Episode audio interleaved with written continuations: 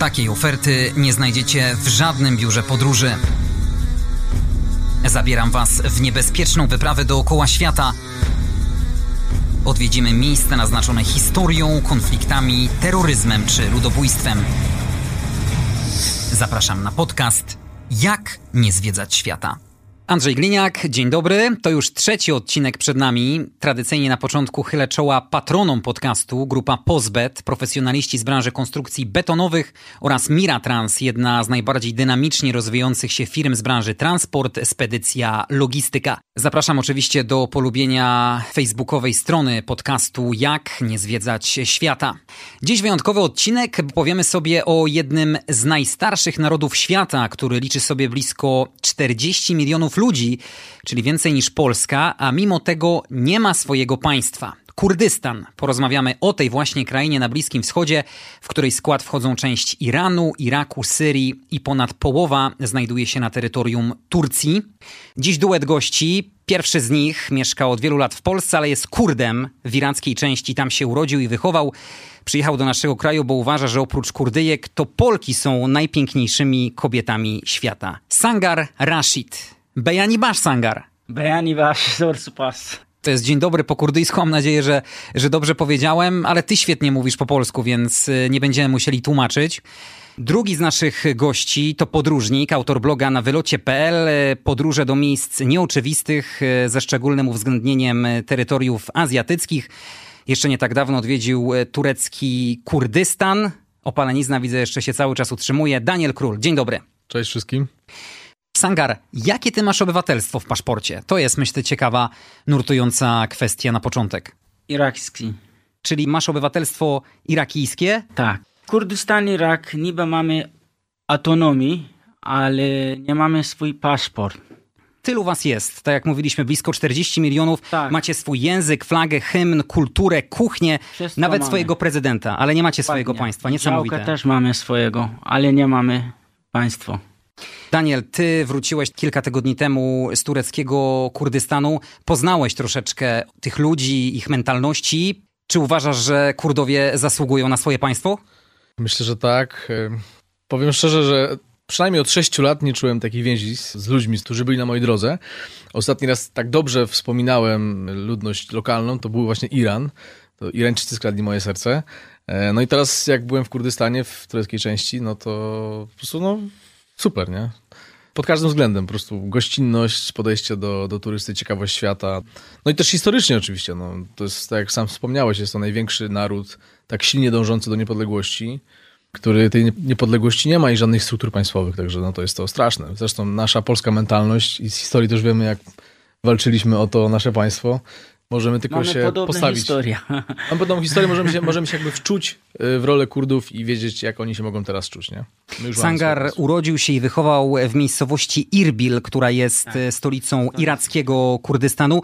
Skąd zatem wziąłeś się w Polsce? No bo poznałam Polka i... I zakochałeś się od pierwszego tak, wejrzenia. I dlatego przyjechałam tutaj do Polski. I... Ale poznałeś się w Kurdystanie irackim? Y, Nie, nie, nie. Poznałam ją przed internet. No proszę bardzo. Tak, i w początku ona przyjechała tu, e, do Kurdystanu.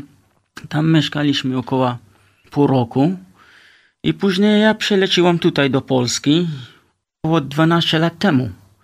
Tylko na początku był bardzo ciężko dla mnie, bo był inne kultury, klima, wszystko. I przede wszystkim nie mogłam znaleźć pracy. I moja żona była w ciąży. I był bardzo trudna sytuacja dla nas, więc e, zadecydowaliśmy, żeby wróciliście do Kurdystanu, bo tam przynajmniej miałam pracę. I wróciliśmy do Kurdystanu, tam mieszkaliśmy z żoną i córką około 3 lata. Czym tam się zajmowałaś? Tam pracowałam na KFC jako manager. Moja żona też była tam bardzo zadowolona, tylko bardzo ciepło było dla niej, bo czasami jest 55 i po prostu bardzo gorąco.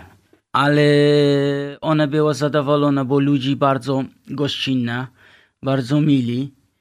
Także gdziekolwiek ona pojechała, to ludzi rozmawiali, skąd jesteś, czy potrzebujesz jakiś pomóc. Ta gościnność, Daniel, też na tobie jako na turyście zrobiło ogromne wrażenie wśród Kurdów, bo trzeba podkreślić, że ty wybrałeś się do tureckiego Kurdystanu na tak zwany biwak. Dokładnie, pojechaliśmy tam powiedzmy w tym stylu backpackerskim, czyli typowo nastawieni na to, żeby no, na miejscu nie wydawać za dużo pieniędzy, żeby jak najwięcej zobaczyć, jak najwięcej poznać. No i takie było nastawienie generalnie. Jakby takim celem samym w sobie, poza tym, że oczywiście chcieliśmy zobaczyć kawałek Kurdystanu, była też góra Nemrut, która jakby jest y, no, czymś niesamowitym. W ogóle bardzo mało osób wie o tej górze. E, I ta góra Nemrut mieści się też jakby w ramach kurdyjskiej części. Też inne rzeczy wspaniałe, o których tutaj mam nadzieję wspomnimy, mieszczą się właśnie na wschodniej części Turcji i właśnie w Kurdystanie. Także Kurdystan, gdyby był państwem legalnym, e, zatwierdzonym i uznawanym na arenie międzynarodowej, miałby tyle zabytków po prostu, że się, że się w pale nie mieści. Nie? Tam jest od cholery do zobaczenia, naprawdę. Ja też niedawno byłem właśnie w tureckim Kurdystanie.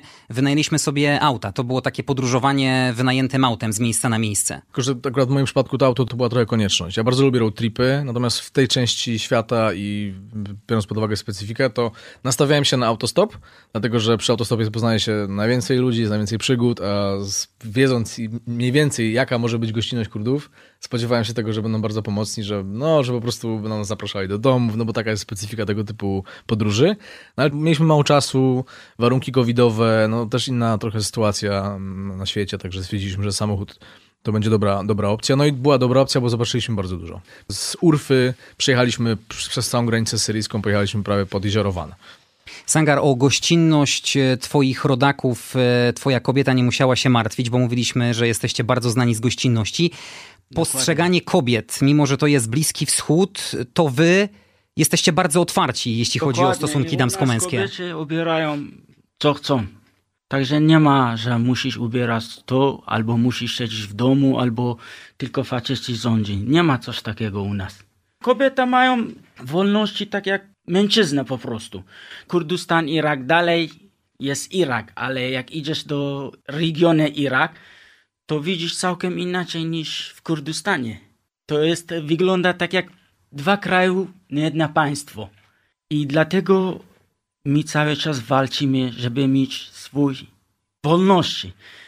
Bo po prostu my mamy całkiem inaczej mentality, język, wszystko mamy inaczej. Niby mam irakski paszport, ale ja nic nie znam o Iraku. Mhm. Nie wiem naprawdę nawet flagę jak wygląda, jaki to... kolor ma. To, to jest prawda, bo na przykład przecież Kurdowie mają język pochodzenia indoeuropejskiego, on zupełnie inaczej brzmi. Tak. I na przykład Irakijczycy przecież mówią po arabsku. Dokładnie. I to, to zupełnie w ogóle inne, inne ja bajki. Nic, po prostu ja nic nie czuję do tego kraju. Ja więcej czuję do Polski niż do Iraku, bo to jest nie mój kraj. To jest ciekawe. No? Nie kraj, ale ten kraj daje jednak autonomię Kurdystanowi tam, nie? Co jest takiego charakterystycznego na przykład jeśli chodzi o obyczaje kurdyjskie? Wesela na przykład kurdyjskie. To tak, jest coś, co może, co może być... i jedzenie mamy bardzo pyszne. O, jedzenie super. I herbata, bo my kochamy herbata. Niektórzy piją herbatę, 20 herbatę w ciągu dnia. Tą słodką herbatę? Tak. I, po I wciąż prostu, mają zęby. Tak. I my gotujemy herbatę razem z wodą. I jeszcze dodamy jakieś przeprawa. Czasami ten dym bardzo, bardzo, wiesz, ma super zapach. I jedzenie też. I po prostu dużo jemy. I nasze jedzenie bardzo pyszne.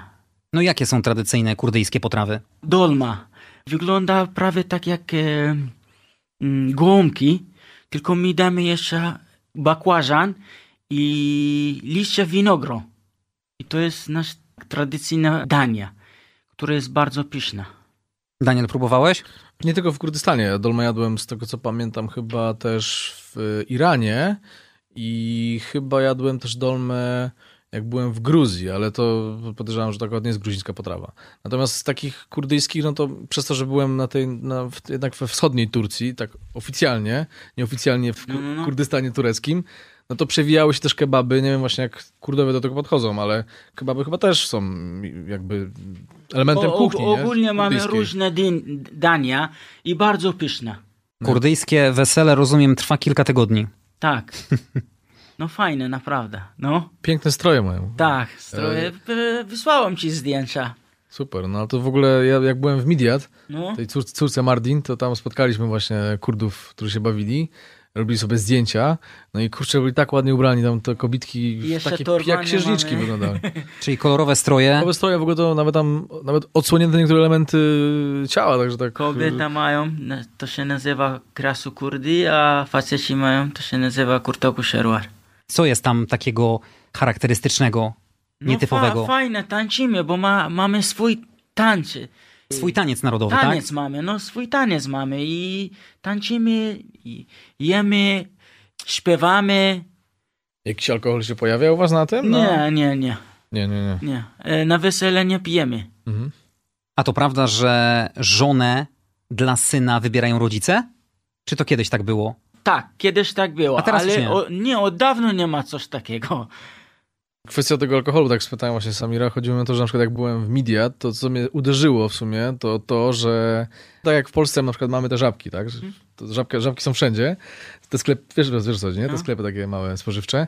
To w Midiat wszędzie, dosłownie wszędzie były sklepy z winem i okazało się, że to wino to zrobione własnoręcznie przez Asyryjczyków. Aha. Bo tam też bardzo dużo, sporo chrześcijan mieszka tych właśnie Asyryjczyków. No, no, no, no. U nas też e, e, dużo inne religie mieszkają i każda mają swój świąteczny, tak.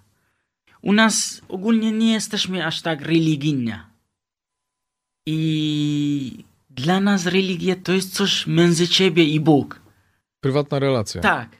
To dlatego też z ISIS walczyliście i... No, dokładnie. ISIS was przecież tam tępiła ostro, chciała was tam No wyrwać. tak, bo oni, no Arabie ISIS mówili, że jesteśmy drugie Izrael. Bo oni nie akceptują nas jako muzułmanie. Tak, tak. Bo my nie jesteśmy aż tak radykal, tak jak oni. Także zapraszam wam kiedyś do Kurdystanu irakskiego, bo to jest całkiem inaczej niż Kurdystan Turcji. Naprawdę tam jest bardzo piękna, bardzo bezpieczna. Mamy hotelu, który jest bardzo wysoki poziom. I ludzi są bardzo gościnna. Kurdystan iracki, czyli tam, gdzie Kurdowie mają największą autonomię. Dokładnie. Macie tam swoją policję, macie swojego prezydenta, macie najwięcej praw. Prawda. Mamy wszystko swojego, oprócz paszport. Ale wszystko to zmieniło się po tym, jak y, od władzy został odsunięty Saddam Hussein, bo wtedy to nie było tak różowo. Tak, nie było. Myślę, że to jest jedna z najsmutniejszych chwil w całej waszej historii, jedna z najokrutniejszych zbrodni XX wieku, czyli operacja Al-Anfal, wymierzona właśnie przeciwko kurdyjskim partyzantom, jak i ludności cywilnej. Zginęło prawie 200 tysięcy Kurdów. Sama Halabdża, gdzie wojska irackie dokonały chemicznego ataku, tam zginęło w ciągu kilku godzin 5 tysięcy Kurdów. To była prawdziwa apokalipsa, rzeź. Tak e, Kurdowie określają to, co się tam działo. Zresztą każdego roku w marcu czcicie pamięć e, ludzi, którzy zginęli w tym okresie. To jest bardzo ważna data dla was, takie Tak, miejsce. Bardzo ważne. Ma, ma, ogólnie marc dla nas jest e, dużo ciekawości. Bo w marcu też mamy e, święta, które nazywa się Nauros. To znaczy e, Nowy Dzień. I to jest 21 marca, mamy święta Nauros. I to świętujemy 5 dni. I jedziemy do góry i tam robimy piknik. A Halabże też był w marcu. Tak słucham właśnie Samira, to mi się rzucają w oczy e, te różnice, ewi- ewidentne różnice w ogóle w specyfice tego regionu, no bo tak jak e, wspomniał właśnie wcześniej, to ta iracka czy tam irakijska część jest najbardziej taka autonomiczna. Ja z kolei podróżowałem przez te dwa tygodnie e, po tej tureckiej części, która jest no, no zupełnie innymi prawami się rządzi.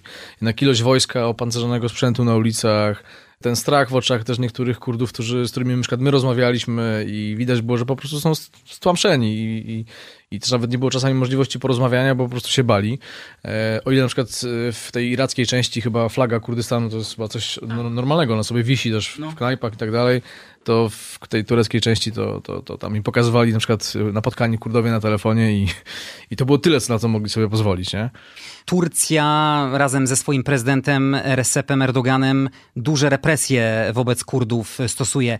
Tam jeszcze w tureckim Kurdystanie niedawno było więzienie za słowa wypowiedziane po kurdyjsku. Tak. Teraz troszeczkę y, złagodzono te restrykcje wobec języka kurdyjskiego. Wprowadzono już go do szkół publicznych. Wcześniej można było się tylko uczyć prywatnie. Wiesz co, na początku Erdogan zaczął coś dodać do Kurdowi, żeby pokazać, że on chce coś zmienić.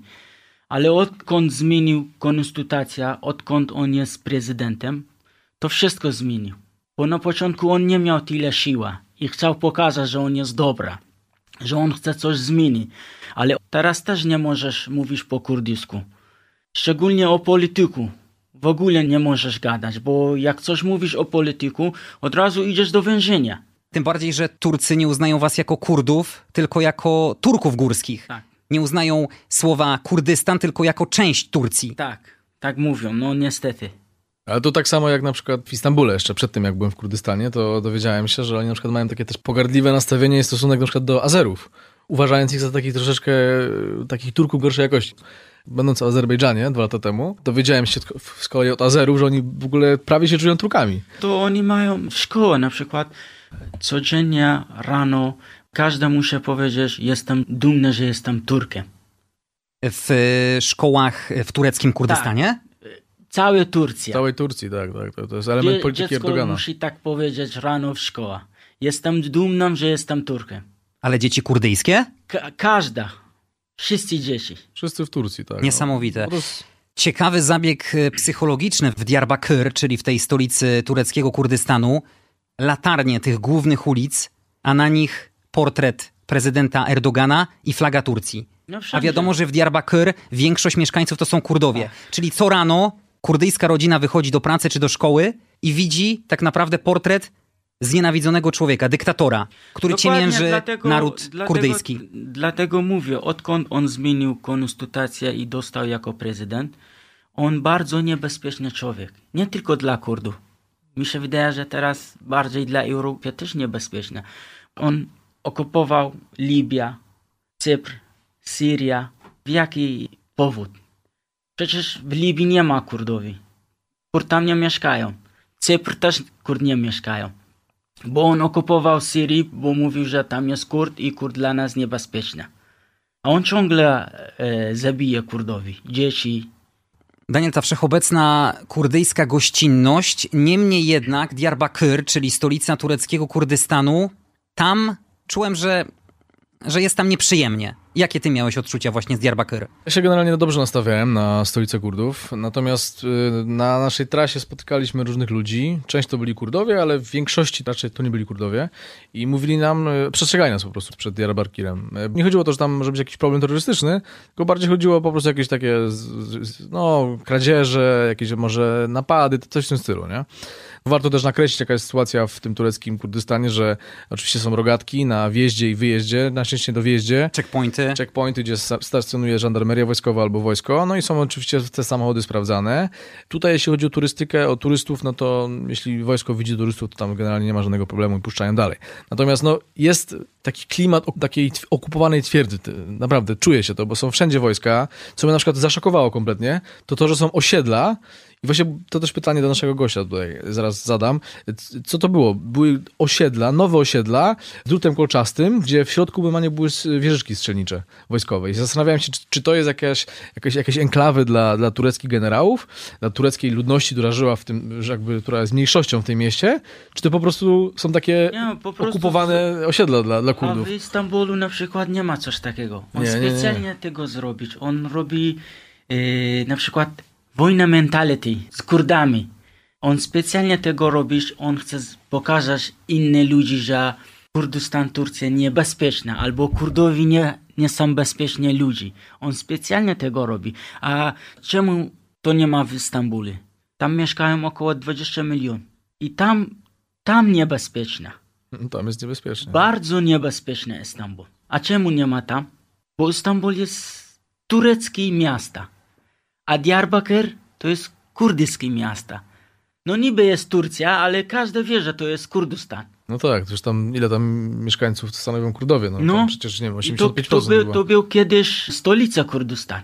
Dawno temu. Tego wojska, tej policji, tych wozów opancerzonych, grup szybkiego reagowania rzeczywiście jest dużo w Diyarbakir i, i czuć, że coś jest nie tak. Dlatego on chce pokazać, że Kurdowie nie są bezpieczni ludzi, dlatego są dużo policja. Ale generalnie właśnie w tej No. tureckiej części jest bardzo dużo tego wojska i to na I przykład wojna mentality on robi z nami. Przypadku podróżowania właśnie w takim stylu, jak my robiliśmy, czyli nie, że sobie wzięliśmy, znaczy ciężko nawet powiedzieć, że coś takiego funkcjonuje jako jak wycieczka last minute do tureckiej części Kurdystanu, nie ma czegoś takiego. Jak ktoś tam jedzie, to z reguły na własną rękę, no ale można sobie oczywiście wziąć jakiegoś przewodnika, natomiast my jeździliśmy typowo z własnym planem i z namiotem, no i to właśnie był największy problem, y, to było wojsko. Nawet nie chodzi tutaj o jakiś poziom bezpieczeństwa, bo było tam mega bezpiecznie, no bo takie krainy są z reguły bardzo bezpieczne. Natomiast największym problemem dla nas było wojsko i te patrole.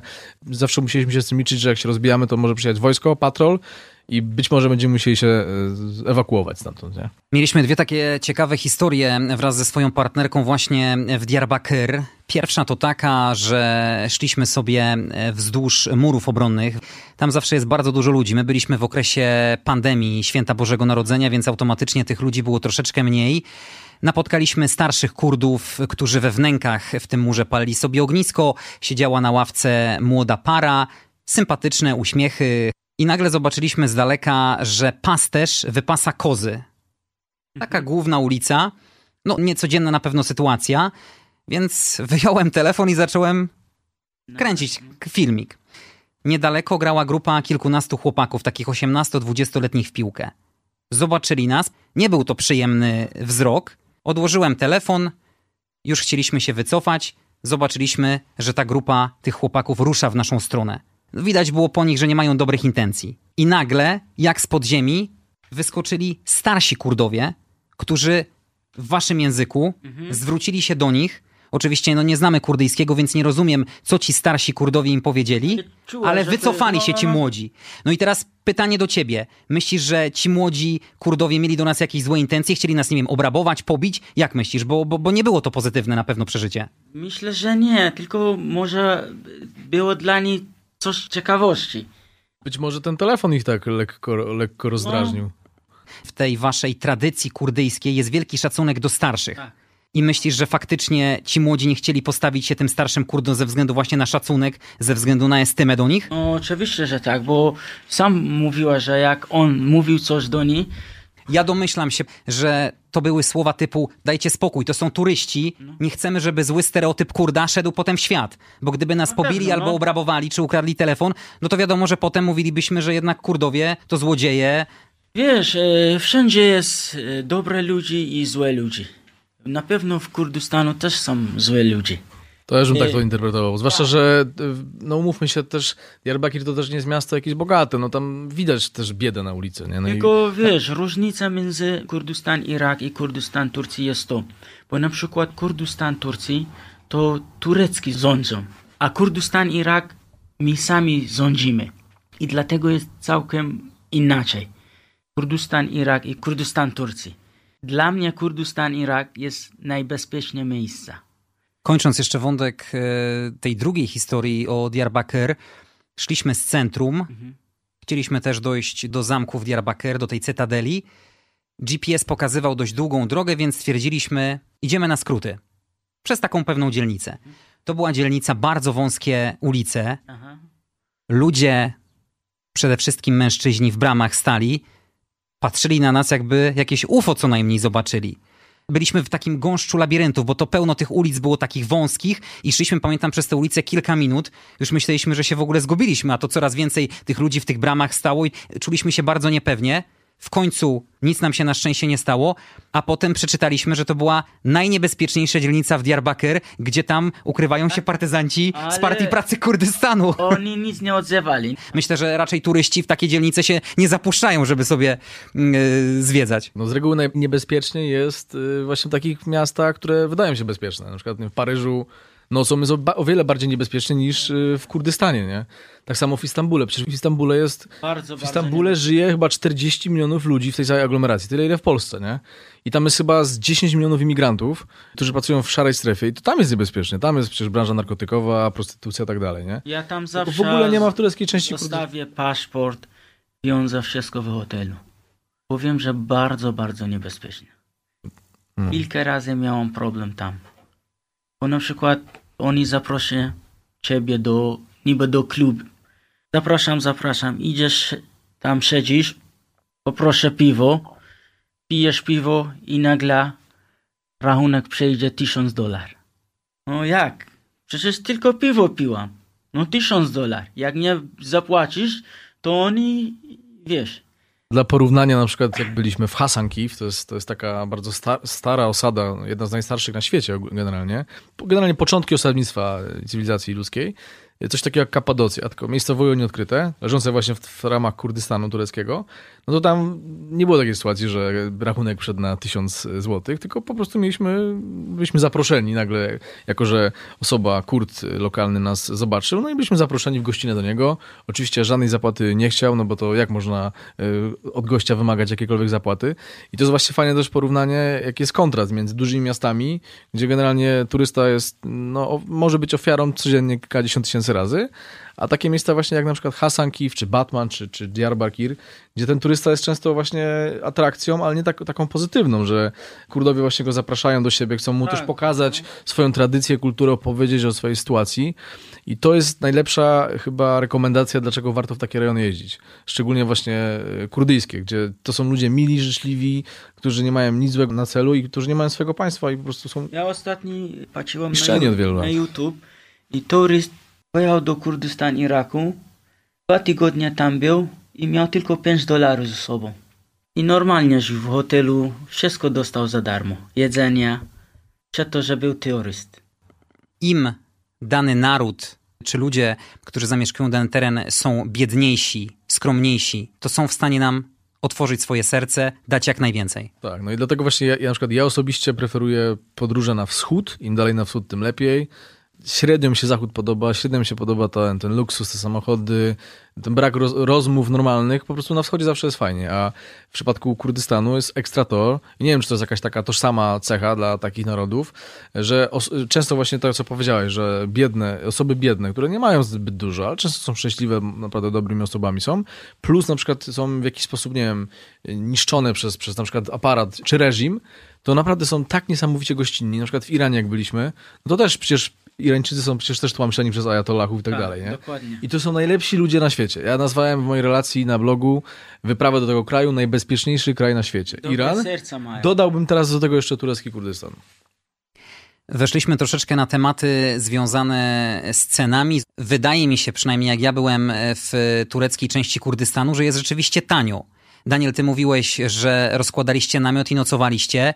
My wynajęliśmy hotel w Diyarbakir. Za dwie osoby ze śniadaniem zapłaciliśmy 120-130 zł w dobrym hotelu. Ceny niskie, nawet bym powiedział, że no niższe niż w Polsce. Na przykład jeśli chodzi o żywność, no to nie wiem, za cały stół jedzenia, tam chlebek, lawasz, jakieś, jakieś kebaby, oczywiście czaj razy 10. E, No nie wiem, na przykład płaciliśmy raz 20 zł za cały stolik, nie? Po 10 zł. Także cena żywności bardzo niska, co jest fajne też w przypadku na przykład podróżowania samochodem, że benzyna jest e, tania. W tej części tam chyba 3 3,40 czy coś takiego, także jest, jest, jest tania. Wypożyczenie samochodu jest tanie. Tak, trzeba podkreślić, że my wypożyczaliśmy auto w Gaziantep i za kilka dni, bodajże cztery, zapłaciliśmy 600 albo 700 zł. I to wyobraź sobie, że wypożyczyliśmy auto na lotnisku w Gaziantep. Mieliśmy do przejechania całą południowo-wschodnią Turcję przy granicy z Syrią, więc też liczyliśmy na to, że pewnie za taką cenę to auto będzie słabszej klasy i nie będzie się rzucało w oczy w tych biedniejszych rejonach. Natomiast wyszliśmy z lotniska, patrzymy, stoi piękne, białe, nowe auto. Jak zobaczyliśmy, że to jest dla nas, to byłem w szoku za taką cenę i taki standard auta. Mówię, kurczę, jeszcze nas okradną tam z tego auta przy tej granicy z Syrią. Także super auto, Tanie, tania tanie, cena, no. tak. I to jeszcze oprócz tych 600-700 zł, o których mówiłem za wypożyczenie na kilka dni, to jeszcze w zasadzie kaucja wynosiła bodajże jakieś 300-400 zł za takie auto. Jak było z tym biwakowaniem? Gdzie wy się zatrzymywaliście No w okolicach to, to, to, to był problem, bo generalnie zawsze bierzemy sobie namiot, plecak i nie ma z tym problemu, no bo są jakieś tam palanki, trawa, gdzieś jakieś miejsca, gdzie nie ma ludzi. Natomiast tutaj był, były dwa problemy. Pierwszy problem to było to, że wszędzie praktycznie były pola uprawne. Nie wiem, czy to jest kwestia Mezopotamii, tych czarnoziemów lokalnych, że tam po prostu wszędzie kurcze były normalnie pora rolne i wszędzie bardzo duże skupisko jakichś domków. Ciężko było gdzieś znaleźć miejsce, gdzie byśmy byli sami. Drugi problem to patrole niestety. Mieliśmy taką sytuację, że spaliśmy właśnie w tej kurdyjskiej części. E, no i nie wiem, czy ktoś nas, musiał nas ktoś chyba widzieć, że krążyliśmy tam samochodem, bo robiliśmy taką rundkę chyba z godzinę, szukając jakiegoś miejsca na, na biwak. W końcu znaleźliśmy takie miejsce, już się rozgościliśmy w samochodzie, już prawie że ognisko zrobiliśmy. Siedzimy sobie w środku, nagle podjeżdża duży samochód opancerzony, oczywiście wychodzi sześciu panów z karabinami. Okazało się, że to wojsko tureckie. E, no i daje nam pięć minut, żebyśmy się stamtąd ewakuowali. Także to był duży problem i to był problem, który się pojawiał później. Za każdym razem, gdzie, gdzie się rozbijaliśmy i na przykład paliliśmy ogniska, to największym problemem był patrole, które gdzieś tam sobie w, na horyzoncie się pojawiały, no i często musieliśmy to ogniska gasić, albo musieliśmy iść wcześniej spać, nie mogliśmy latarek świecić. Powiem tak, jak ktoś nie biwakuje często, to nie jest to łatwy teren do tego typu rzeczy. Jeśli chodzi o tą bazę noclegową, zarówno w Diyarbakir, e, jak i wcześniej e, w Mardin, te tereny południowo-wschodniej Turcji, tam było ok. Jak wygląda to w irackim Kurdystanie? No tak samo. Czyli nie tylko Irbil, stolica, ale też inne miejscowości. Tam no spokojnie in... można się zatrzymać. Tak, tak, tak. Tylko Erbil jest e, stolica i na pewno jest najdrożej. Więcej, drożej i więcej hotelu. I tam nie będziesz miał żaden problem. W Erbil ogólnie jest bardzo drogo. Mhm. Nie tak jak tak, tak, właśnie, w Właśnie to jest ciekawe, że iracka część Kurdystanu jest bardzo droga. Tak, bardzo droga. Naprawdę, bardzo droga. Tam jest drożej niż w Polsce i tak. Naprawdę. Ale jest... ogólnie oprócz noclegów też jedzenie i inne rzeczy też są droższe niż, niż w tureckiej? Tak, jedzenie? Oczywiście. No. Ale czy, z czym to związane? No właśnie, z czego z ciekawości, przez to, że to jest autonomiczna, autonomiczny no region bo to Iraku, jest czy... e, bardzo bogata region. Tam mamy e, nafta i gaz, no dlatego i bo, ludzi są bogaci naprawdę. Hmm. To jest stolica i tam mieszkają dużo innych ludzi nie tylko Kurdowi. Dlatego mówię, że tam jest multikultur. Mhm. A na przykład dwa lata temu byliśmy z żoną i córką, to rzadko mów, mówiłam po kurdysku, bo wszędzie mówili po angielsku albo po arabsku. I też pytałam tatę, że co to jest? Ja jestem u siebie i nie mogę mówić po swojemu, bo gdziekolwiek albo po angielsku, albo po arabsku. Szczególnie bary, restauracja, rzadko mu mówią po kurdysku i bardzo drogo, naprawdę bardzo drogo. Dlatego ostatni byłam u kolegi w Belgii i porównałam, dwa tygodnie byłam u siebie, niby nie zapłaciłam hotel, jedzenia dwa, trzy razy miałam w domu, ale porównałam w Belgii i w Kurdystanie Erbil, to duża różnica, e, jeśli chodzi o cenę. No tam, tam jest drogo, naprawdę. Jak wygląda, jeśli chodzi o poruszanie się po tej irackiej części Kurdystanu? Warto wypożyczyć auto, czy jednak poruszać się komunikacją? Nie, nie. E, lepiej e, taksówka. Taksówka bardzo tanie, bo u nas benzyn jest bardzo, bardzo tanie. To na przykład możesz jeździć pół godziny taksówka, 5 dolar. Tam w Kurdystanie jest cztery miasta. Dohok, Sulemani, Arbil, Halabja. Mówi się, że Kurdystan słynie z fantastycznych górskich krajobrazów. Tak, bardzo wysokie góry mamy i bardzo piękne. Hmm. Największym przyjacielem Kurdów są góry. Tak, tak jest tak, przysłowie. Tak, tak, no tak mówimy. I Ararat. Ararat, Zagros, Halgur. Opowiadaj, co tam można w tej irackiej części Kurdystanu zobaczyć. Rzeczywiście te widoki są zapierające dech w piersiach? Naprawdę bardzo przepiękne. I przede wszystkim jest, wszędzie jest natur. I bardzo bezpieczna. To jest dla mnie bardzo ważne. Czyli spokojnie, spokojnie można się bezpieczna. zapuścić e, na wycieczkę górską Dokładnie. i nie liczyć, że nagle ktoś może wyskoczyć i nie, mieć jakieś nie, nie. wobec nas e, złe intencje. Żaden problem. Nawet woj wojska pomagają, jak widzą, że jesteś turysta albo chcesz, wiesz, wiedzieć Kurdystan i pomagają naprawdę. Czasami pożyczą samochód, czasami jeżdżą z tobą, pokażą, że tu jest piękne, że tu jest ładnie, że możesz tu bić, albo zaprosić cię do domu. Także naprawdę warto idziesz i zobaczysz. Które miejsce w irackim Kurdystanie byś najbardziej polecił? Które na tobie Arbi. zrobiło największe wrażenie? Arbi. Bardzo piękne. Mówią, że to jest druga Dubaj. Bo dużo wysoki budynek mamy. I tam ponad 2 miliony mieszkają. I tam naprawdę fajne kluby.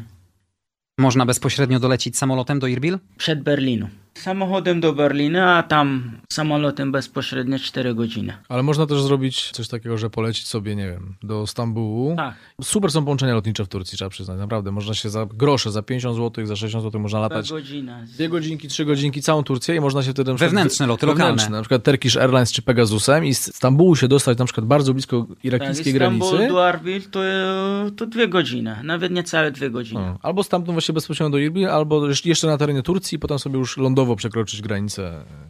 Ale dla mnie jako Kurd to lepiej lecieć przed Berlinem, bo w lotnisku kilka razy miałem problem w Stambulu. Bo Jako jak- Kurd, tak? Tak, bo tu też pisałem tu Kurdystan i raz e, oni wtrzymali mi kilka godzin po to, że tutaj pisałem Kurdystan. Sangar pokazuje teraz na lewym przedramieniu tatuaż z napisem Kurdystan i przez to, że, że miałeś ten tatuaż, celnicy, tudzież e, żołnierze tureccy bardziej m, Obrażali mocniej... mi nawet, e, przeklinali i wtrzymali mi około 3 godziny. Mhm. i za to straciłam samolot.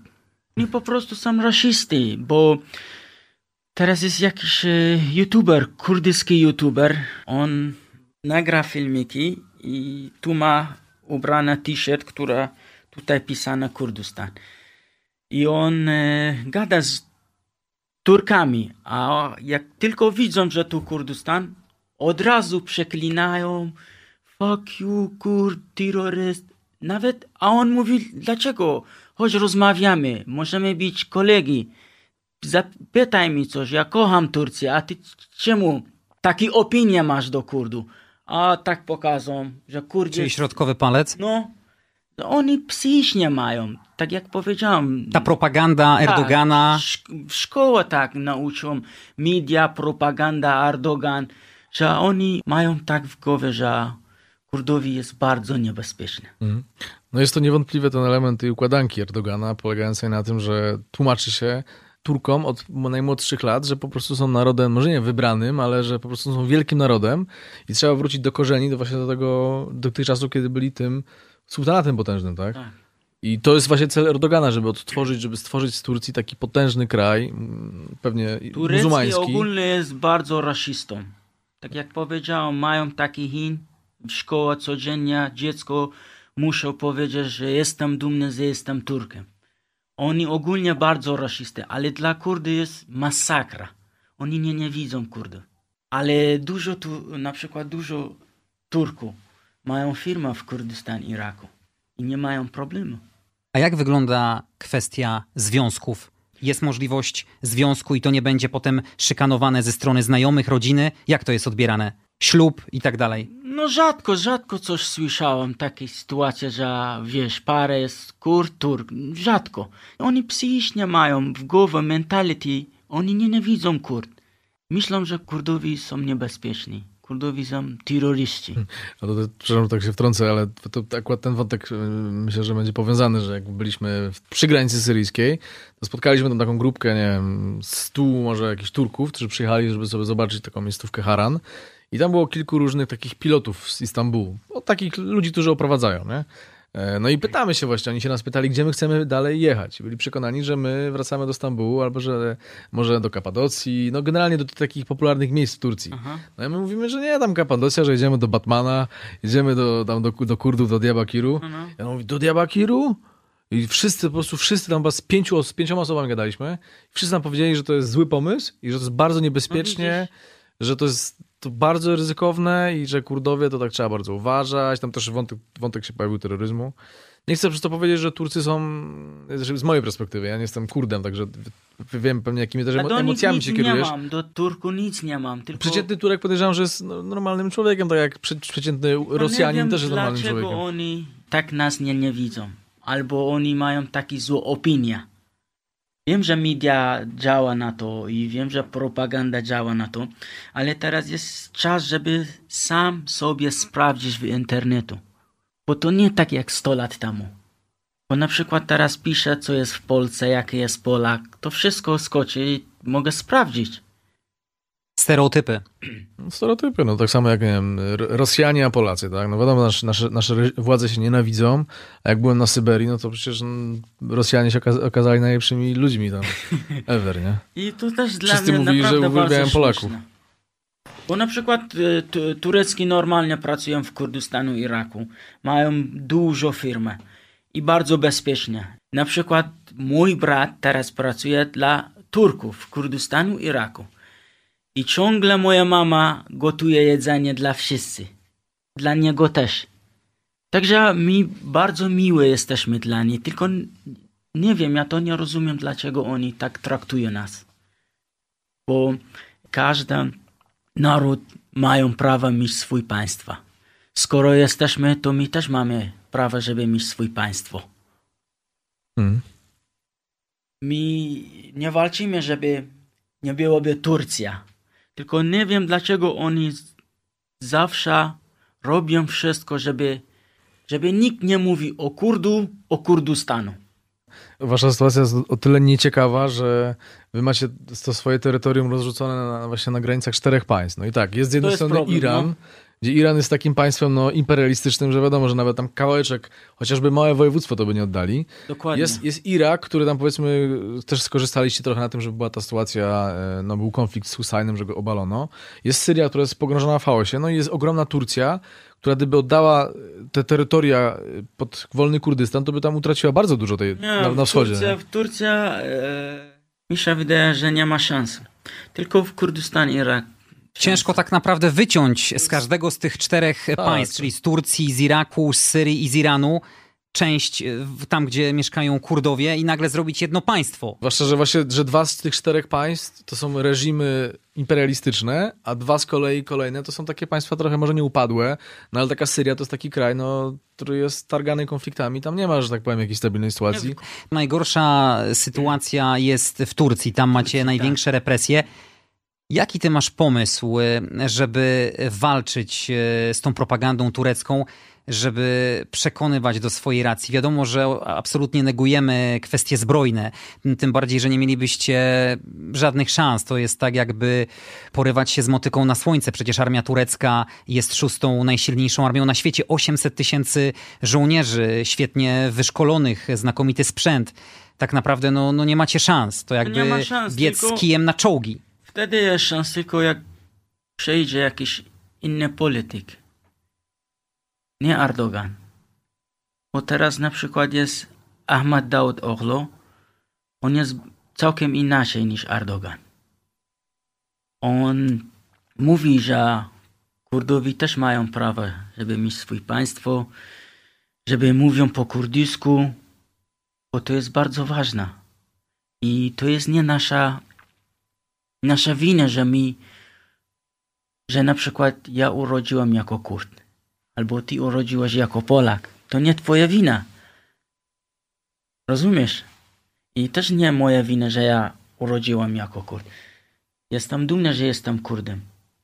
Mimo, że jesteście tak otwartym, gościnnym, Dokładnie. uśmiechniętym narodem, No, to tak naprawdę jesteście chyba najnieszczęśliwszym narodem na świecie. tak. U nas na Czyli taki na- paradoks. Naprawdę, ostatnio jak byliśmy u siebie, no Natalka, moja córka zawsze mówi, tato, kiedy jedziemy, bo tam e, śpimy o trzeciej. Wszyscy razem siedzimy, rozmawiamy, wiesz. Tak naprawdę bardzo miłe. Coś innego, wiesz. Ja nie mówię po to, że jestem Kurd. Dlatego chciałam zaprosić nas do siebie. Wtedy sami będziecie wiedzieć co, jak.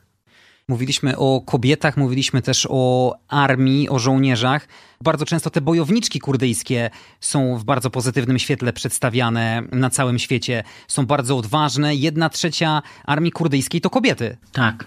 Tam jest obowiązkowa służba wojskowa dla kobiet? Nie, nie, nie. Skąd w takim razie kobiety, te No przedstawicielki płci pięknej, ta delikatność, one chcą iść na pierwszą linię frontu i, i umierać my- za swój kraj? My kochamy swój kraj. Niby nie mamy kraju, ale kochamy nasze działka. A ja znam kobietę, która miała trójkę dzieci i zostawił dzieci u babci i poszedł walczyć z ISIS-em. I dużo kobiet. I Kurdowi jest jedyna e, wojska, która może facet i kobieci. A na przykład w Iraku, w Turcji to nie wolno. Tylko faceci wojska, a w Kurdystanu kobieci, kobieci i faceci. Kilkadziesiąt tysięcy kobiet jest w armii kurdyjskiej. To naprawdę imponująca liczba. I mówiliśmy też o tym tańcu. Ten taniec to halparkę, tak? Alparcie, no. I to Tak, jest ten tradycyjny taniec kurdyjski. Dokładnie. Jeśli wejdziecie sobie na YouTube, tam jest film ze zdobycia tego słynnego placu w Radce, właśnie między innymi przez y, kurdyjskie bojowniczki, y, gdzie tam terroryści z ISIS przeprowadzali publiczne egzekucje, handlowali porwanymi kobietami. Armia kurdyjska zdobyła ten plac i potem kobiety odtańczyły ten tradycyjny wasz taniec. Prawda, no. Mówi się, że kurdyjki to najodważniejsze kobiety na świecie. Piękne? Daniel, podobały ci się kurdyjki? Mm, Żona słucha? Będzie, ale nie, nie, mogę śmiało na to powie, pytanie odpowiedzieć. Wiesz co? Niekoniecznie, aczkolwiek, aczkolwiek na pewno znajdą swoich jakichś adora- adoratorów. Natomiast jedno, co jest pewne, to co słuchacze powinni wiedzieć, bo na pewno im się wydaje, że Kurdystan, czy na przykład jak mówimy o tej irakijskiej, czy irackiej części, że to jest coś, gdzie tam jest tak niebezpiecznie, bo przecież parę lat temu tam przecież ISIS grasowało i naprawdę tam było mega niebezpiecznie wtedy, nie? Ale teraz, ja tam nie byłem, ale z relacji moich znajomych, którzy byli w irackiej części Kurdystanu, to Bardzo wiem, bezpieczne, że to jest naprawdę. W 100% cywilizowany kraj, y, region, na zasadzie, że się po prostu można przekroczyć granicę turecko-iracką jako turysta, pojechać do Irbil i tam jest wszystko. Tam są knajpy, tam są wieżowce szklane, tam są e, muzea, galerie, naprawdę tam jest bardzo dużo rzeczy, które my mamy na przykład we Wrocławiu mamy, tutaj. Mamy Citadel, która 6000 lat ma w Arbilu. To tak jak w Diyarbakirze też jest ta cytadela, Tak, nie? bardzo, bardzo stare. A z kolei taka ciekawostka, że w Diyarbakirze, w tej stolicy Kurdów, w tureckiej części, są mury, e, te takie czarne mury z bazaltu, one są uważane za drugie najdłuższe mury na świecie po murze chińskim. I akurat to mamy w rynku. Wysoki bardzo. I ma 6000 lat. Ja też mam taką, może nie ciekawostkę, bardziej informację, przestrogę też dla turystów, którzy wybierają się właśnie do Diyarbakir, te tereny wschodnio-południowe Turcji. Ostatnio była taka sytuacja, że amerykański turysta kręcił filmy dronem i został aresztowany. Trafił na Turcji, kilka tak? dni do aresztu, tak. Tak, ale to wynika z tego, że tam jest bardzo dużo tych patroli i bardzo dużo stref wojskowych, także to No tak, prawda. w każdym, w każdym kraju tak jest, nie? Jak jest jakiś tam patrol czy coś, to zawsze ci tam...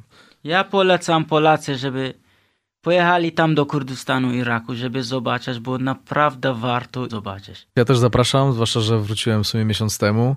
Nie byłem w tej części irackiej, ale to jest tylko kwestia czasu tak naprawdę, bo odkąd zobaczyłem tą część turecką, to na moim celowniku teraz jest właśnie część iracka, część y, irańska i część, część syryjska, mam nadzieję kiedyś. No i naprawdę teren jest super, obfitujący w niesamowite zabytki, bo przecież to są terytoria też Mezopotamii trochę, terytoria Anatolia, także tam i dla archeologów, i dla jakichś zajawkowiczów krajobrazów, i dla ludzi, którzy góry kochają, tak jak powiedział Samir, przecież y, no, tam jest wszystko to, co naprawdę, co, co może ludzi, ludzi fascynować, jeśli chodzi o podróże tego typu. No i miejsce jest mega nieoczywiste, y, no i ciekawe pod każdym względem. Ja oprócz tej sytuacji w Diyarbakir, Mhm. przy tej cytadeli, też nie spotkałem się z jakimś e, zagrożeniem. Pamiętam, że jechaliśmy w nocy wzdłuż granicy z Syrią na południowym wschodzie Turcji. Zatrzymaliśmy się, wyobraźcie sobie, to była Wigilia. W Polsce wyjątkowy czas z rodziną. My jechaliśmy w porze kolacji wigilijnej 17-18, już się ściemniało. Zatrzymaliśmy się na totalnym odludziu. Stanęliśmy w takiej przydrożnej spelunie, gdzie zatrzymywali się tureccy kierowcy, cały ten tranzyt, pewnie też irakijscy, irańscy. Weszliśmy do środka, byliśmy totalną egzotyką. Ludzie na nas patrzyli, przecierali oczy ze zdumienia. Skąd wy się tutaj wzięliście? Biali turyści, pewnie nie widziani wiele lat, ale bardzo nas miło przyjęli. Pyszne jedzenie zjedliśmy, za grosze w zasadzie. Także tak spędziliśmy Wigilię. To inaczej też trzeba rozróżnić na przykład sytuację Kurdów na terenie Turcji, no wiadomo, że jest nieciekawa, a sytuację turystów. No, turyści nie dość, że są tam traktowani, mówię o tej tureckiej części, są traktowani naprawdę z takim, no jak troszeczkę jak filiżanka z porcelany, czyli nie wiem, czy to jest jakieś odgórne zalecenie Erdogana, żeby, żeby ci wojskowi byli tacy mili dla turystów, ale są bardzo mili. Na tych rogatkach w momencie, kiedy się wjeżdża do miast, nie są jakoś trzepani specjalnie, jeśli, jeśli mają samochody. E, My mieliśmy tylko dwie takie sytuacje podróżując po Kurdystanie tureckim obie były sprowokowane przez nas i obie nie wynikały z jakiejś tam, no jakiejś złej mocy do nas. Pierwsza była taka, że jak szukaliśmy noclegu, to często, jeździliśmy po ciemku, robiąc wiadomo jakiś mały ambaras, e, no i mieliśmy taką sytuację, że wjechaliśmy jakiemuś kurdowi na posesję, no to wiadomo, wjechaliśmy na posesję, zawróciliśmy, okazało się, że on zaczął nas ścigać, potem nam zajechał drogę, to było też kompletne pole bez żadnych e, świateł, no ale co zrobił ten gościu? No podszedł do nas, zobaczył, że turyści, do tego przywitał się, jeszcze nam pokazał, gdzie mamy jechać, a druga stacja była taka, że się rozbiliśmy przy granicy syryjskiej, no nas patrol wyczaił, no ale to też bardzo kulturalnie powiedział, że, że mamy się ewakuować, także pod kątem bezpieczeństwa tu bym się w ogóle niczego nie obawiał, tylko głupota turysty może doprowadzić go do jakiegoś nieszczęścia, typu na przykład dron w jakimś miejscu, albo nie wiem, jakaś, no, wiecie o co chodzi, no bardzo, bardzo bezpiecznie, tak, tak, tak, tak mógłbym to podsumować, jeśli chodzi o wypad. Czyli na razie wychodzą same plusy, jeśli chodzi o ten turecki Kurdystan, bo i ceny, i transport tani, bo i wypożyczenie auta, i benzyna, hotele to zakwaterowanie, czyli ta akomodacja. Tak. No to i jeszcze co jest ważne, co fajnie by było też o tym powiedzieć, że na terenie tureckiego Kurdystanu znajduje się naprawdę bardzo dużo atrakcji, które naprawdę gdyby były na przykład na terenie, nie wiem, Turcji, tej, na zachodzie, tam gdzie jest Istanbul, czy nie wiem, byli, byłyby w Grecji, to byłyby naprawdę takimi sztosami, że byłyby w każdym możliwym biurze podróży. Mówię tutaj na przykład o Nemrucie, o górze, na której znajduje się panteon persko-greckich bóstw, wybudowanych tam przez Antiocha I chyba jeszcze przed naszą erą. No niesamowita miejscówka, tak jakbyśmy wbili na rysy i zobaczyli tam panteon, nie wiem, pięciometrowe rzeźby naszych królów. E, Mówię tutaj na przykład o takiej miejscówce jak Hasan Kif, o takim starożytnym mieście w skałach, do, też niesamowite miejsce, jak Kapadocja. E, mówię o jeziorze Van, e, o Raracie. No przecież to są takie miejscówy, że naprawdę. w ogóle, nie, w ogóle tego nie ma w folderach podróży, dlatego że wschód Turcji jest uważany za niebezpieczny. To jest nieprawda. I jest po prostu no, celowo robione chyba tak, żeby tam nie jechać, no bo uważa się, że tam są prowadzone jakieś działania terrorystyczne. To też jest nieprawdą, nie? Trzeba też wspomnieć e, o Mardin. To jest jedna z najstarszych miejscowości w tym rejonie. Niesamowita pod względem turystycznym. Ściany budynków w tym mieście mają kolor miodu. To jest Miodowe miasto. To jest niesamowite i też jest ciekawe, że Mardin leży na chyba 1100 metrów. Jest na takim wzniesieniu, że nie ma wokół czegoś większego. I w momencie, kiedy się wjedzie na samą górę, to rozpościera się naprawdę kosmiczny widok na Syrię i na, ogólnie na Mezopotamię, bo Mardin jest uważany za tą taką północną granicę Mezopotamii. Także niesamowite miejsce. Też ciekawym miejscem jest Urfa, trochę może mniej znana, ale na przykład można się ze Stambułu do Urfy wybrać y, za 50-60 zł lotem i tam z kolei jest bardzo dużo jakichś takich y, grobowców chrześcijańskich, w ogóle centrum takiej kultury asyryjskiej, a z kolei 20 km od Urfy już w kierunku Syrii jest miejscowość Haran i ona jest między innymi z tego znana, że mieszkał tam Abraham. Także miejsc jest takich historycznych, jest tam bardzo dużo takich ważnych z punktu widzenia cywilizacji ludzkiej. My się zatrzymaliśmy w hotelu w Mardin właśnie. Też zapłaciliśmy w zasadzie około 140-150 zł za nocleg wraz ze śniadaniem i byliśmy w niesamowitym hotelu stylizowanym na te dawne czasy pokoje, takie komnaty, ta łazienka z tym bidetem, można było się poczuć jak wiele lat wcześniej. Mhm. Co, coś, co jest ciekawe, że właśnie Mardin przecież jest częścią Kurdystanu tureckiego, a jest też taką bazą wypadową dla Turków z Istambułu. I jest tam bardzo dużo, po prostu dla nich to jest taki kurort wypoczynkowy. Jest to normalne na zasadzie, że no wiadomo, miasto jest piękne, także e, każdy może do niego przyjechać. Natomiast domyślam się, że no, mogę się postawić na przykład na, na miejscu takiego kurda, który tam sobie mieszka, no i widzi, że przyjeżdżają bogaci Turcy z Istambułu, nie? Mhm. Wszędzie praktycznie flagi tureckie i to takie też, też jest ciekawe, że Erdogan ma jakiegoś hopla na punkcie tych flag. I nie wiem, czy jak Andrzej jeździłeś samochodem, to widziałeś takie ogromne e, flagi tam, nie wiem, po 50 metrów, takie niesamowite. Flagi plus billboardy z jego A, podobizną. Wszędzie, no wszędzie Erdogan i wszędzie w najlepszej takiej sile wieku jeszcze, nie? Bo to już jest stary dziadek. On ostatnio był w Diyarbakir chyba, tak? I on sam powiedział, tutaj jest Turcja, kto chce Kurdystan, kto mówi o Kurdystanu, to jest obok. Proszę wejść tam. Znalazłem jeden minus, nie wiem czy mi potwierdzicie. Brak znajomości kompletnej języka angielskiego ze strony Turków i Kurdów.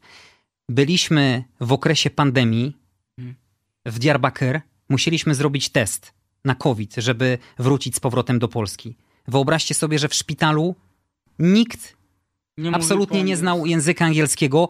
Jeden pielęgniarz pomógł nam, który jako jedyny w zasadzie z państwowego głównego szpitala w Diyarbakir znał angielski, pomógł nam, zorganizował nam te testy.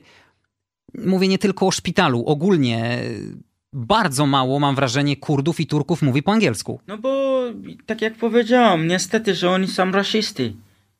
Oni tylko widzą Turk. Dużo Turków uczy się niemieckiego, mówili w szkole. Ale, ale, ale żeby nie było Kurdowie też po angielsku nie, nie tak, gadają bo, w ogóle. e, wiesz, oni traktują Kurdowi jako Turk. W kontekście takiego jakby dla słuchaczy jest istotna informacja też taka, że właśnie to, co pan Andrzej powiedział, z czym się zgodzę, że jest duży problem i w zasadzie ja nie używałem w ogóle angielskiego na tym wyjeździe przez cały czas. Już stosowaliśmy głównie smartfony i opcje nie Google Translate. To była jedyna możliwość. Albo to były jakieś takie naprawdę no, na maksa proste rozmowy po angielsku, takie już, takie już ocierające się o, o no nie, to ciężkie, ciężkie przeżycie. Ale to jest na pewno niecodzienne, bo kiedy weszliśmy, jeszcze wracając do tego szpitala, rozmawialiśmy z lekarzem, czyli generalnie, no wiadomo, elita, człowiek wykształcony, kompletnie nas nie rozumiał po angielsku. Plusem tego minusu jest to, że to jest moja koncepcja, że część właśnie wojskowych też, widząc turystów, odpuszczała, bo po prostu nie mówiła po angielsku i chcieli mieć święty spokój, żeby wiedzieli, że i tak do, do niczego nie dojdą, nie? jeśli nawet były jakieś problemy. Jeśli chodzi o płatności, bo to też na pewno jest cenna wskazówka dla naszych słuchaczy, którzy się w te rejony chcieliby wybrać. Jak wygląda sprawa w irackim Kurdystanie? Czy płaci się gotówką? Jaka jest waluta? Czy bankomaty są powszechnie dostępne? Tak. e, Tam jest, waluta jest dinar, ale wszędzie możesz zapłacić dolary też. I ja mam dobrą wiadomość dla turysta, bo można tam latać bez wiza. Tam, Daniel, też do tureckiego Kurdystanu nie trzeba żadnej wizy, wystarczy paszport. Tak, wystarczy tylko paszport, transfer jest bardzo łatwy, no bo można to zrobić albo bezpośrednio, ale to, to trochę drogo. Najlepsza opcja to po prostu wybrać się do Istambułu i z Istambułu zapłacić co pół godziny są loty Pegasusem albo Turkish Airlines za 50, nie, 60, 70 zł.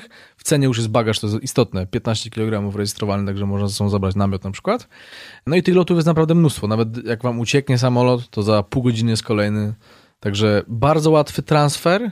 Co jest ciekawe, że można dostać się na przykład do Kurdystanu w Urfie i można sobie pojechać aż pod sam Ararat i stamtąd wrócić też do Istambułu lotem za 50, za 60 zł, nie? Także dowolność jest ekstra. Jeśli chodzi o tą część tureckiego Kurdystanu, jak wypłaciliście rewolutem, nie wiem, kartą nie, bankomatową? nie czy... w ogóle nie działał Revolut. Płaciliśmy głównie cashem, gotówką, natomiast w niektórych miejscach, na przykład w Urfie albo w Mardin można było płacić kartą, takich bar- bardziej, natomiast w większości to były bary takie bardzo proste, gdzie nie było w ogóle nawet e, możliwości płatności kartą, to po prostu dawaliśmy gotówkę, nie?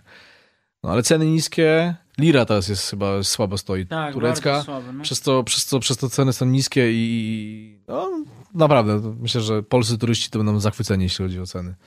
Tak, teraz lira, 1 dolar to prawie 8 lira. Tak, tak, no. jest katastrofa, to właśnie między innymi polityka gospodarcza Erdogana, taka niezbyt trafiona. Mówimy tu w zasadzie o samych superlatywach, zarówno tego irackiego, jak i tureckiego Kurdystanu. Czy ciebie coś rozczarowało podczas twojej podróży? Pogoda. W sensie pojechałem tam pod koniec marca i nie naiwnie myślałem, że będę w krótkich spodenkach chodził. Będąc przy jeziorze Van, to przecież tam minus 15 stopni było w nocy. Część miejsc, które chciałem odwiedzić, musiałem niestety anulować, no bo nie bylibyśmy w stanie w namiocie przetrwać. Byłem w ogóle zszokowany, że między 100 kilometrów odległością mogą być takie amplitudy niesamowite, że No ostatnie kilka lat zmieniła pogoda, no. na przykład w Mardin, przecież Mardin w lecie jest chyba z 55 stopni też. Tam jest pustynia, nie? My tam byliśmy, było 20 stopni, w nocy było 3 stopnie. W Iraku, w tam ir- irackiej części jest też przecież mega, Też mega te, ten, ale no, no też te ostatnie zmieniła, bo ja nigdy nie słyszałem, że u nas padał śnieg. A ostatnie kilka lat Mhm. dużo śnieg pada. Czy jest jakiś Kurd e, znany na świecie? Macie jakiegoś swojego ambasadora, osobę taką rozpoznawalną? Tak, jest, y, nazywa się Kocer Birkar. On niedawno temu dostał nagrodę Nobla z matematyki. Czyli umysł ścisły. Daniel coś tam jeszcze wygooglował. tak, Ibrahim Tatli. Ibrahim Tat- Tatlesas, on jest piosenkarz. To jest i- bardzo znany piosenkarz, to Tak. w większości jakichś e, małych restauracji jak le, leciał, leciała jego muzy- muzyka i skądinąd bardzo podobny do świętej pamięci naszego Krzysztofa Krawczyka. I on ma super głos. Gdyby nasi słuchacze chcieli się wybrać w te rejony i chcieli jeszcze sobie poszerzyć e, swoją wiedzę, ja tutaj mam książkę Pawła Smoleńskiego, Zielone Migdały, czyli Po co światu Kurdowie? Mógłbym tylko też zarekomendować już dwie pozycje. Jakby ktoś chciał się wybrać do tej tureckiej części, to na pewno będzie Wróżąc z Fusów, reportaże z Turcji, pani Marceliny Szumar-Brysz I druga książka, świetna, uważam, że warto ją koniecznie przeczytać, to jest książka Zabójca z miasta Moreli pana Szabłowskiego. Świetna. Sangar, czego ci możemy życzyć? Swoje państwo i wolności. Codziennie rano wstajesz i wierzysz, że powstanie takie państwo jak Kurdystan? Tak, tak, wierzę to. I mocno wierzę to. Sangar Rashid, Kurd, który od wielu lat mieszka w Polsce, był naszym gościem. Dziękujemy. Ja również dziękuję bardzo. Daniel Król, podróżnik, autor bloga na wylocie.pl, który odwiedził turecki Kurdystan, również był razem z nami. Dzięki Dziękujemy. Wielkie, dzięki wielkie. Premiera kolejnego odcinka tradycyjnie w poniedziałek o 20. Andrzej Gliniak, pozdrawiam, dziękuję.